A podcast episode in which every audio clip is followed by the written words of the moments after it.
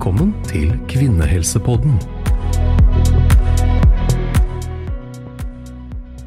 I dag skal vi snakke om hvordan miljøet i mors liv påvirker barnets helse senere i livet. Dette gjelder både i barndommen, men også 50–60 år etter fødselen. For å snakke om dette har vi med oss fødselslege og professor Tore Henriksen. Vi har jo jobbet sammen i mange år på fødeavdelingen ved Rikshospitalet, Tore. Du er professor både i ernæring og fødselshjelp, og har også skrevet boka I mors liv. Hva vet vi om hvordan mor påvirker barnets helse allerede i graviditeten? Nei, I dag vet vi faktisk ganske mye om dette. Det er en kunnskap som man bare for 20-30 år siden ikke hadde. Eh, jeg tenker ofte på livet som en, som en bok, hvor eh, man starter tidlig i livet og skriver livet sitt. Eh, helt ut til, til alderdommen. Og før så trodde man, eller tenkte man, at uh, livet startet ved fødselen. Altså at boken hadde bare blanke ark ved starten av fødselen, og at man da begynte å skrive livet sitt i boken etter hvert som årene gikk. Den nye kunnskapen den sier, oss, sier oss at denne boken den, den, den skrives allerede fra befruktningstidspunktet. Med andre ord, på det tidspunktet man er født, så har denne boken allerede mange, mange sider. Og det som står i disse sidene, det kan man på en måte si eh, ser kanskje individet tilbake på, og at det får betydning for, for det mennesket gjennom hele livet. Det er denne kunnskapen om det som er skrevet før fødselen, og hvordan det påvirker Eh, vårt liv helt opp i alderdommen, det er det som er den nye kunnskapen. Dette er jo veldig spennende. Så vet jeg at du har vært opptatt av ikke bare i svangerskapet, men også før svangerskapet. Helsen før en kvinne blir gravid. Ja, eh, etter hvert så har jeg blitt eh, mer og mer opptatt av det, fordi uh, i starten så, så da jeg startet i mitt fagfelt, så tenkte vi nok at uh, hvis vi kan få mor til å ha levevann i svangerskapet, så vil alt være vunnet. Og det er fremdeles delvis sant, men det som forskningen de siste 10-20 årene har vist, er at det aller beste er at er mors helsetilstand på tidspunkt hun blir gravid. Uh, at hun er, har en god ernæring, har en passe vekt, og har vært fysisk aktiv. Disse tingene henger veldig, veldig nøye sammen. Eh, og at det er mye viktigere faktisk enn akkurat detaljer om kost osv. i selve svangerskapet, selv om det også er viktig. Men, men det er nok det avgjørende er mors helsetilstand på det tidspunktet hun blir gravid. Og Da er det litt viktig å si at det, man må ikke henge seg helt opp i om man er to kilo for tung eller to kilo for lett. Det er, ikke, det, er, det er, ikke, det det går på, men det går faktisk på at man lever sunt. Uh, at man spiser sunt og holder seg i god form. Uh, det er å holde seg unna rusmidler og sånn. Det er det aller viktigste, faktisk. Og ikke om man veier 53 kilo eller 71 kilo. Selv om overvekt er risikofaktor, så er ikke det det helt sentrale. Jeg vet at mange gravide er bekymret for stress i svangerskapet. Kan du si noe om det? Påvirker mors stress barnet? Ja, eh, det er et felt som det har vært forsket veldig mye på. Og hovederfaringen er at det er ekstremt vanskelig å undersøke. Det man vel mener i dag, er at ekstreme stressituasjoner, la oss si naturkatastrofer, eller svære, tunge familiekonflikter som varer over tid, kan være uheldig. Men det daglige stresset, at man så vidt rekker barnehagen f.eks., det spiller nok ingen rolle. Eh, fordi eh, det viser seg at kroppen vår, og da morkaken spesielt, da, den er utviklet slik at den på en måte beskytter barnet i noen grad mot stress. Når, når du blir stresset, så eh, produseres det hormoner i kroppen din, stresshormoner. Og de hormonene de kommer ikke i noe særlig grad over til barnet fordi morkaken stopper dem. Så slik at Fra naturens side så er vi nok beskyttet mot det vi kan kalle alminnelig stress. Da. Og det er jo veldig viktig for gravide å vite, fordi Det er nok bekymringer for mange som det er, og det å vite at barnet er på mange måter robust og tåler en god del, det er kanskje like viktig å vite som at vi kan påvirke det. Så hva består denne nye kunnskapen vi har fått egentlig i? Ja, jeg har lyst til, å, Hvis jeg kan bruke litt tid på bare å si litt, det, si litt om hva som er bakgrunnen for at vi ikke har klart å få denne kunnskapen. Eh, det er liksom slik at kunst, Vår Herre kommer jo ikke ned fra himmelen med all kunnskap på et sølvfat, og så kan vi bare forsyne oss. Det er slik at det ligger mye arbeid og tanke bak det som gjerne strekker seg over flere tiår. Det er ofte man ikke tenker på det. Men det interessante her er faktisk det at det var altså i Finnmark på 60-tallet en distriktslege som drev ensom der oppe, og så at han fikk da mange pasienter med hjerteinfarkt 60- og 70-tallet. Mye, og han så at mange av de pasientene var født og vokst opp i elendige kår, og født under elendige kår, dårlig oppvekst. Og han tenkte er det slik at ernæring og oppvekstvilkårene tidlig i svangerskapet øker risikoen for hjerte- og karsykdommer, sånn som hjerteinfarkt og høyt blodtrykk. Og Det undersøkte han, og han fant en sammenheng.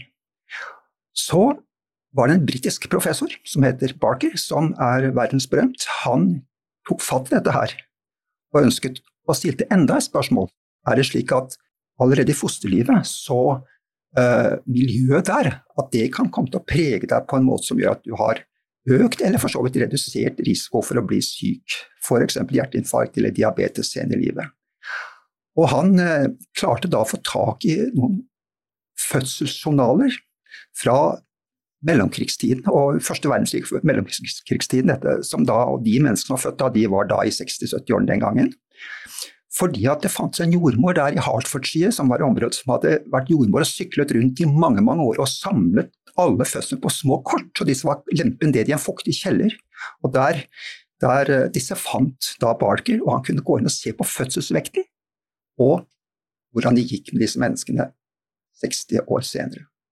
Da fant han altså at lavere fødselsvekt, dårligere ernæring altså, jo høyere forekomst av høyt blodtrykk, hjertesykdom og diabetes. Det var bakgrunnen for dette. Så har man fortsatt disse forskningene gjennom mange mange år og fått bekreftet disse sammenhengene. Og nå forstår vi også mer hvorfor det er slik. Det er jo veldig spennende kunnskap. Um, nå har, om, nå har, du snakket om underernæring. Er det sånn at for mye ernæring også kan påvirke fosteret? Ja, og det, det, trodde man ikke først. Man tenker jo at jo større barnet er, jo friskere er det. Det har nok vist seg ikke være helt riktig. Man kan få en overernæring faktisk i, eh, som foster allerede. Man kan bli, være født med, med, overernæring. og Man har sett litt på det, og det viser seg også at barn som er større enn de naturlig skulle være på fødselstidspunktet, de også, har også økt risiko for disse sykdommene senere. Så for mye og for lite. For mye og for lite uh, kan være negativt. Men det er viktig å understreke da, at uh, når vi snakker om at vi kan påvirke uh, barnet allerede i fosterlivet med ting, så må vi ikke gå rundt og tenke at å, jeg kan ikke Man må ikke bli redd for det, for de aller fleste tingene som påvirker oss som fostre og som barn, de forsvinner vekk. Men det er altså likevel en viss sammenheng som man bør tenke på, og som man kan forebygge nettopp ved å tenke på sin egen helse i forhold til om man ønsker å bli mor eller ikke. Dette at mor påvirker barnet, er jo en spennende tanke. Eh, har du noen eksempler på hvordan mor kan påvirke barnet sitt? ja, altså helt veldig konkrete eksempler. Det jeg husker veldig godt, var en pasient som jeg hadde for noen år siden, som, som, som spilte piano. Hun øvde mye, og hun fortalte det at under sitt første svangerskap så hadde hun øvd veldig mye på et par stykker gjennom hele svangerskapet. Så da, og Barnet ble født da, og det hadde en tendens til å skrike ofte, dette barnet, sa hun. Og Da fant hun ut at hvis hun satte seg ned og spilte disse stykkene som hun hadde øvd på mens barnet ennå var i hennes, hennes uh, liv, så, uh, så roet det seg ned. Men spilte hun et annet stykke så fortsatte de å skrike. Dette syns jeg var ekstremt fascinerende. Det illustrerer altså at et barn kan registrere lyd og musikk allerede eh, tidlig i svangerskapet. Vi regner vel med at hørselen, at barn, et foster, kan eh, begynne å registrere lyder allerede en 10-12 uker før det er født, i hvert fall. Ja, det er sikkert mange som har opplevd noe tilsvarende, og det er veldig spennende at det også vises i forskning. Og også når det gjelder mat, har du også noen eksempler, tror jeg? Ja, man, det som er med mat, er at en god del av smaksstoffene i mat de går over i morsmelken. Og det eh, er altså Den syns var, at det er dumt. Det er ikke dumt. Det viser at det er ganske nyttig. Fordi at eh, hvis du f.eks. har et kosthold som inneholder en del krydder, som er bare kostholdet i den kulturen du lever, så vil en del av de kryddersmakene gå over i morsmelken, og barnet vil da lære seg å like den, den, den, det den smaken, og på den måten tilpasser seg den familien eller den kulturens kost. Da. Ja, faktisk er det sånn at selv i fosterlivet så vil smaksstoffet fra mors kost komme over i fostervannet. Og barnet drikker jo fostervann kontinuerlig. Og allerede, slik at allerede i fosterlivet faktisk så vil, så vil eh, barnet kunne lære seg til denne kulturen eller denne familiens eh, kosthold. Og Det samme ser vi også i, dyre, i dyreverden. Eh, når dyr gresser, så kommer smaken fra den type gress som dyret tar, over i morsmelken. Og kalven vil da lære seg å spise det gresset som er riktig, ikke ta andre gressarter. Så dette viser veldig fin sammenheng mellom hva som skjer tidlig i livet, hvordan foster preges av Allerede på fosterstadiet så preges man av, av det miljøet, mors miljø, det miljøet mor eh, det fosteret. Da. Og kanskje har biologene vært eh, nesten litt foran oss og visst dette før vi har vært så klar over det som vi er nå? Biologene har visst dette, og biologene var i ferd med å vise dette. De har jo arbeidet ofte med dyr ikke sant, og dyreforsøk, og har, fikk kunnskap allerede på 80-tallet. Begynte å komme kunnskap om at uh, ernæringen hos mor ville påvirke fosteret over litt lengre tid enn akkurat bare til fødselen. Da. Og du er jo fra gård selv, så du har kanskje også erfart dette i ja, din egen oppvekst? Ja, og, og det er påfallende å se at en kalv den går alltid etter kua og spiser det gresset som den, den uh, kua spiser. Det, og det er nok noe med at det er ikke fordi at den går etter det, men det er fordi at det gresset smaker sånn som melken smakte. Så det er en måte å sikre på en måte en ernæring, da. Men da lurer jeg på, Tore, hvordan er det i det hele tatt mulig at dårlig ernæring tidlig i livet eller fosterlivet kan påvirke sykdommer mange tiår senere? Hvordan kan du forklare noe sånt? Nei, men det spørsmålet er ikke bare du som har stilt. Det har de fleste forskere som var innenfor dette feltet i starten, var veldig skeptiske. De skjønte ikke at dette var mulig. De trodde rett og slett ikke på det. Fordi man hadde ingen god forklaring, man hadde ikke noe biologisk forklaring på hvordan dette kunne henge sammen. At en mangel på noen fett, vitaminer eller fettsyrer eller hva det måtte være, tidlig skulle liksom virke senere, når man har fått rettet opp kostholdet tidlig i barndommen og ting, så skor det skjønte man ikke. Og man, fatt, man fikk ikke noe forståelse av dette før man faktisk gikk tilbake til det biologene drev med igjen. Biologer som drev med gener. Fordi man har jo alltid trodd at jo, vi, har, vi fødes, da har vi med oss genene fra mor og far. Og så, så vil livet starte, og så påvirker miljøer vi vokser opp i oss, men genene, det får vi ikke gjort noe med. Så viser det seg faktisk at så enkelt er det ikke. Eh, man kan si at én ting er å være født med et gen, men en annen ting er hvor aktivt det genet er. For det er slik at nærmest alle gener er under regulering. De reguleres hvor aktive de skal være. Og det betyr at for hvert gen så finnes det en styringsenhet som bestemmer om genet skal være kvart aktivt eller 100% aktivt. Og så er poenget at mange næringsstoffer påvirker disse styringsenhetene. Så det du spiser og tar inn deg, det vil altså med andre ord påvirke styringsenhetene for genene, og dermed også hvor aktive de er. Så hva du har fått i deg, eller blitt utsatt for, for å si det sånn, i fosterlivet eller i tidlig barndom, det vil kunne påvirke aktiviteten i de genene du har fått fra mor og far. Det er bakgrunnen for det. Ja, nå snakker du om at genene påvirkes, men hvordan virker det egentlig? Hvordan kan det skje? Nei, Det er jo disse styringsenhetene da, som kan påvirkes. Gen i seg selv påvirkes ikke, men det er det som styrer genet. Og skal vi forklare det, så må vi liksom, da må man inn i en litt dyp kjemi, egentlig. Det er jo forholdsvis komplisert, men det som viser seg, er at det er da noen sånne kjemiske grupper, bl.a. grupper som ligner på metan, som, som, binder, som er en slags bryter på dette styringsenhetene. Og næringsstoffer kan nettopp påvirke hvorvidt den bryteren er av eller på. For F.eks. så sånn som folsyre, som alle gravide skal ta. Mangel på folsyre det kan gi ryggmargsbrokk, det vet vi.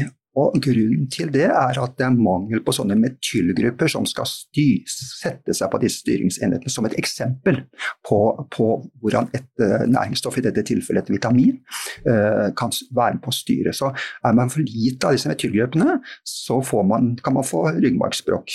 Og det sikrer man ved nettopp å ta infolsyre. Det var et godt eksempel på hvordan dette virker.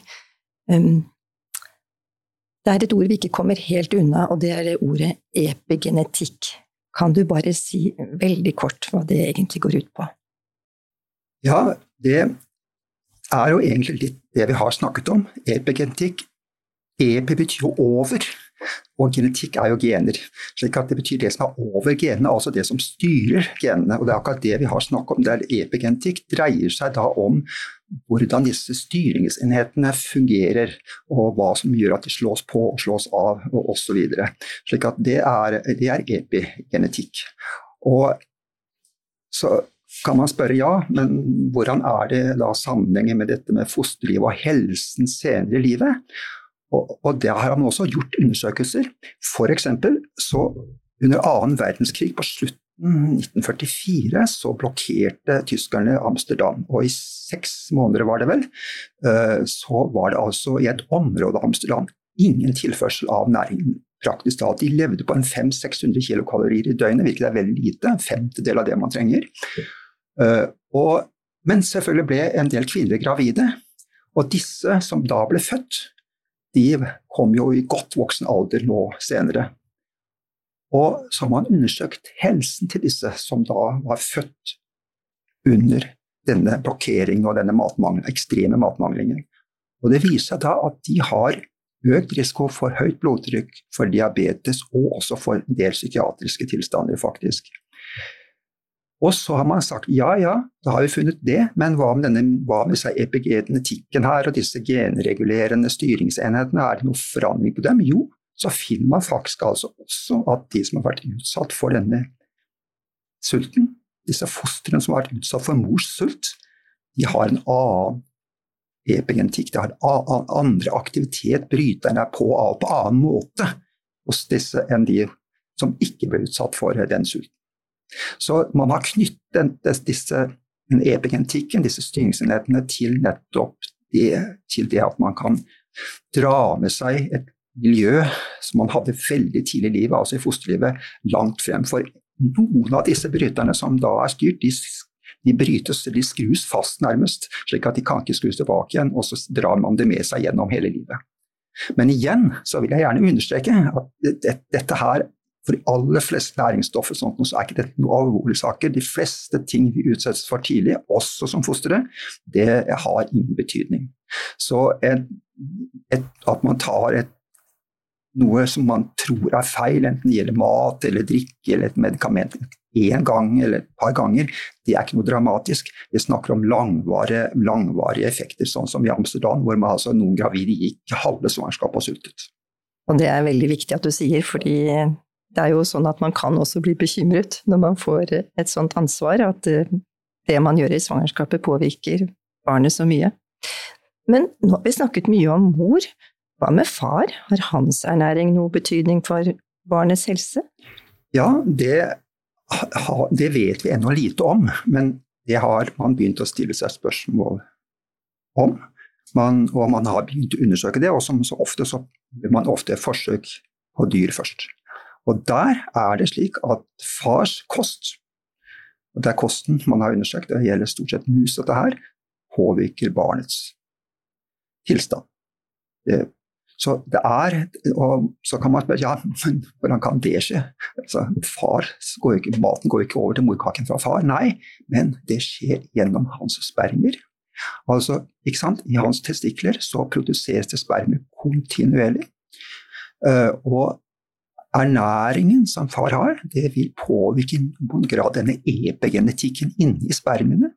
Genene finnes jo i spermene. Der de genene har styringsenheter, og de kan påvirkes av denne epigenetikken. Så ernæring påvirker spermene, som da tar det med seg når det kommer inn til mor og befrukter egget.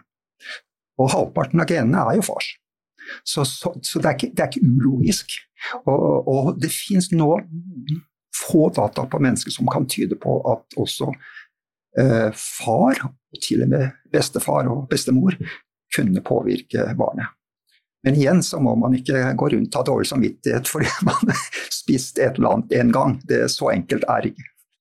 Det er nok mange gravide som er glad for å dele litt på dette ansvaret, så jeg syns dette er veldig spennende eh, kunnskap du, du eh, formidler nå.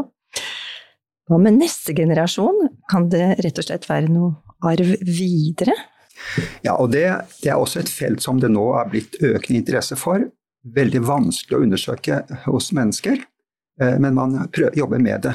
Men det ser faktisk ut at for få av disse epigenetiske eh, endringene som han har fått, kan arves altså til barnebarn, da, for å si det slik. Eh, ser, og I dyreforsøk er det også igjen vist at det kan skje til og med i barnebarnsbarn. Men hos mennesket så er ikke det godt dokumentert ennå. Eh, det er vanskelige studier, eh, men det jobbes med det. Men det er nok slik at denne arven Vi snakker om epigenetisk arv, det er ikke bare genetisk, men epigenetisk. Den, er nok, eh, den kan nok tynnes litt ut etter hvert som generasjonene går. Så det er ikke sikkert at det er veldig dramatisk effekt over generasjoner, men det får tiden vise. Jeg vet at du har vært opptatt av ikke bare ernæring, men også miljøet i litt større eh, sammenheng, hvordan det kan påvirke Ja, jeg tenker ofte at vi, det vi spiser, det er jo ikke noe som igjen som Vår Herre serverer oss på et sølvfat. Det er noe som vi får fra naturen. Altså alt vi spiser, kommer fra naturen. Og det som produseres i naturen, det er helt avhengig av de planter og dyr som er der og samspillet mellom dem. Og det er klart at det er et komplekst samspill hvor mange, mange, mange arter eh, henger sammen. Fisken spiser eh, mindre fisk, og den mindre fisken spiser plankton osv. osv.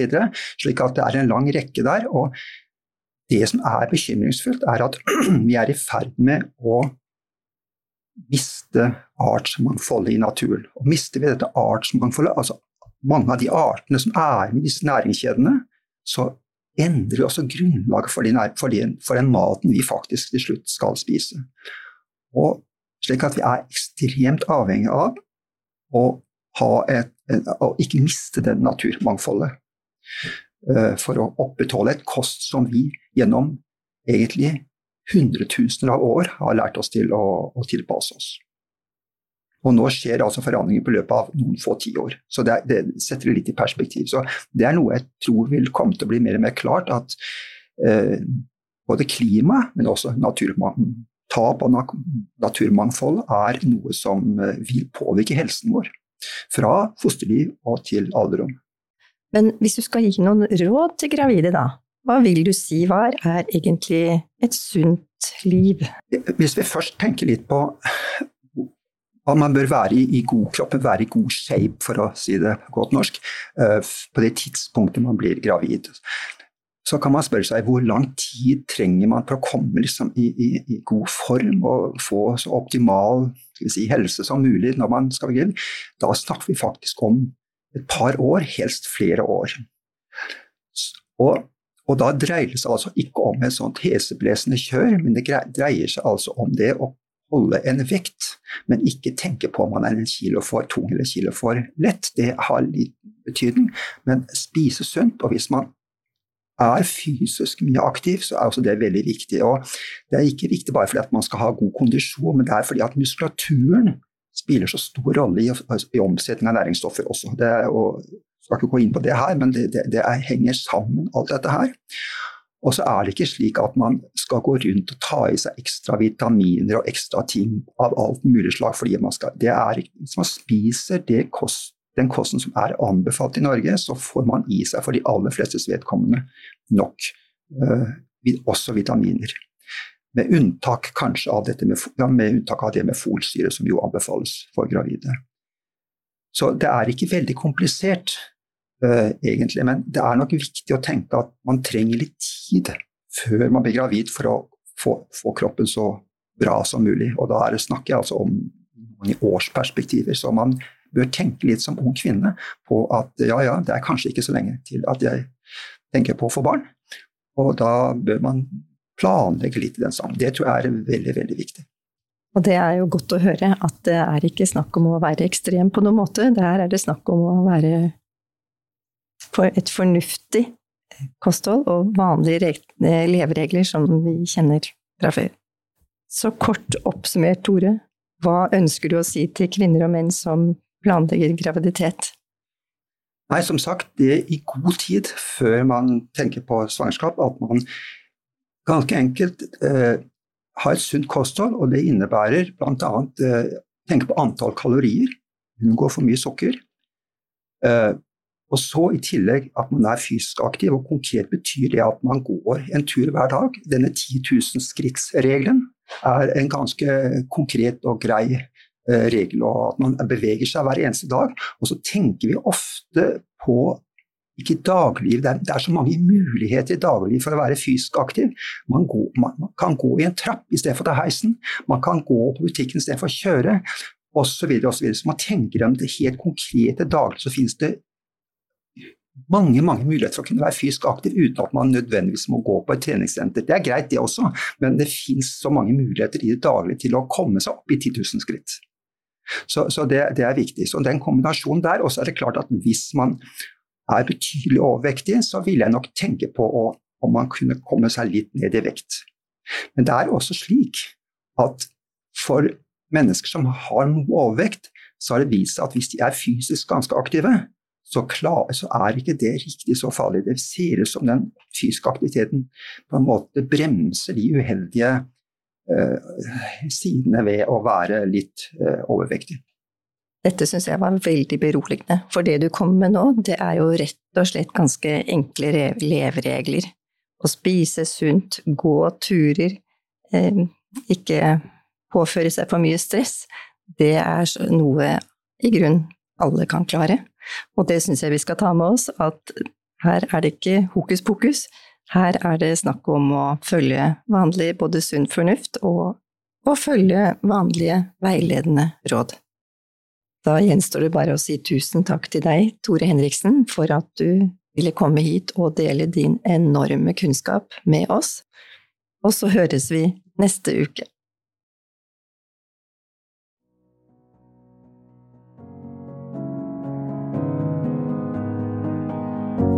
Vi vil gjerne få tilbakemeldinger fra dere lyttere om det er noen temaer dere vil vi skal ta opp i podkasten. Er det noe dere lurer på eller savner informasjon om? Send oss gjerne en mail til kvinnehelsepodden at os-hf.no. Dere kan også kontakte oss på Instagram.